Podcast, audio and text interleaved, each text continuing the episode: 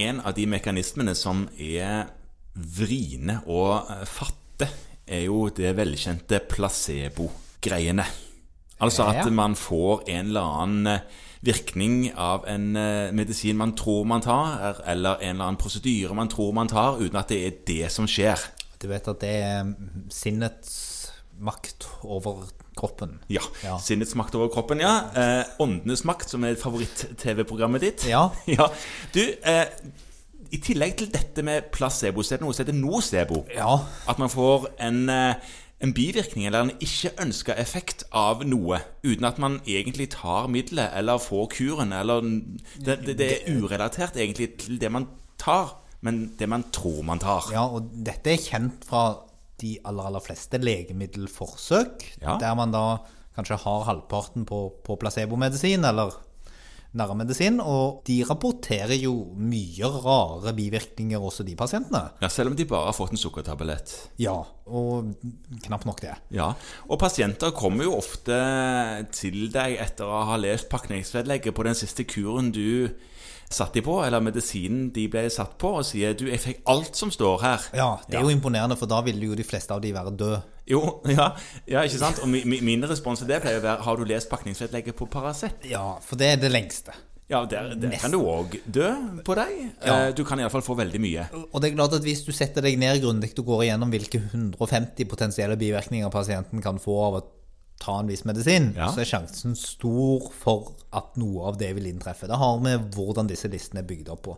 Men det, det nocebo-begrepet som du inn- eh, introduserer her, det, det tenker du kanskje på fordi det er jo- sto jo nettopp en artikkel om det i forhold til en av våre mest kjente medisiner. Ja, og det er det jeg tenker på, fordi den medisinen der, den opplever jeg veldig ofte å få kritikk for å ha starta med, fordi alle får jo muskelvondt, sier pasienten. Av statiner. Nettopp. Ja, og det, det er jo mange. Det er rundt 600 000 nordmenn som står på statiner. Ja.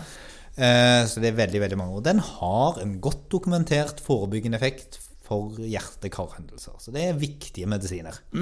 Og de fleste av oss har kjent på akkurat den diskusjonen at å, får ikke alle bivirkninger av det?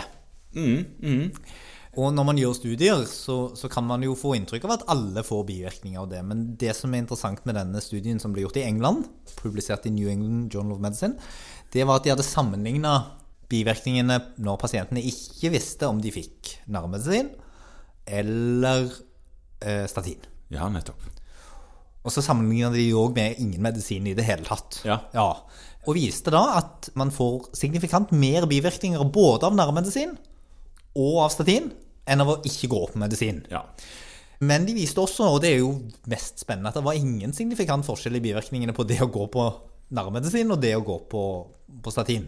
Nei, så det, du, du ble like støl og stiv i musklene uansett hva du stappet i kjeften, bare du tok noe. Ja. Ja. 90 av de alvorlige bivirkningene ble på en måte vist å være på, på placebo. Det- Dette var en sånn der en, eh, crossover-studie, så alle pasientene fikk alle tre alternativene Ja. Mm. til litt forskjellig tid, visste ikke når.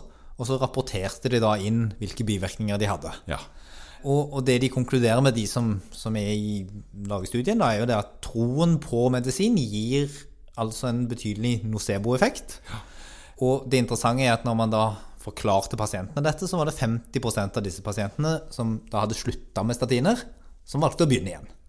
Ja, nettopp. Så Ja. De, de, de fikk en bedre tiltro til medisinen. Ja, og, og deri ligger kanskje det som er hovedbudskapet i denne studien, og som kanskje er det man skal ta med seg, at hvis man setter seg ned og snakker med pasienten og sier det, at det er noen få som får det, Ja. eh, får bivirkninger, eh, og hvis du får veldig plagsomme bivirkninger, så må du ta kontakt. Eh, Men det er ikke veldig vanlig å få bivirkninger som faktisk skyldes medisinen. Så vil kanskje litt flere ta denne medisinen, og for de som skal ha den, så er den jo viktig. Ja, absolutt. Det er helt klart. det. Den, den er med på å redde liv, den har det vist seg. Men samtidig, det er jo sjelden jeg sier 'gå hjem og les pakningsvedlegget'. Nei, Jeg jeg pleier jo heller å si det at nå prøver du å ta denne medisinen, og så informerer jeg om de farlige bivirkningene av en eventuell medisin. På statiner er ikke det så mange sånn i første omgang. Jeg pleier å si det er noen helt få, uhyre sjelden, som får skikkelig muskelvondt. Får du det, så ta kontakt med meg, så skal vi sjekke det. Og ellers så pleier jeg å- å spørre når de kommer på kontroll. Har du hatt noen bivirkninger? Gjerne uten at de har lest pakningsvedlegget, så de ikke kan vite akkurat hva de skal si. Ja. Men eh, nå er det jo sånn at det er Du sa ytterst få. Det er det er jo en del som får disse muskelvondtene, da. Ja, men jeg sier ytterst få. Ja. ja. Eh, Det kommer jo an på hvordan man vekter ting. Det er klart. Det har jo òg vist seg at eh, pasienter kan tåle en del hvis de vet hva de har å forvente. Ja, og det er godt sagt. Eh, Sånn at hvis de vet at de kan få litt vondt, og så pleier jeg ofte å si de at i mer enn 90 av tilfellene går dette helt fint. Mm. Istedenfor å si at i nærmere 10 av tilfellene får du alvorlige bivirkninger, så høres det mye mer positivt ut. Ja, De ikke sant? fleste syns det høres ganske greit ut, at det er jo 90 sjanse for at dette går bra. Ja. Bare tenk på det lotteriet. Du ville tatt lodd. Helt sikkert. Ja.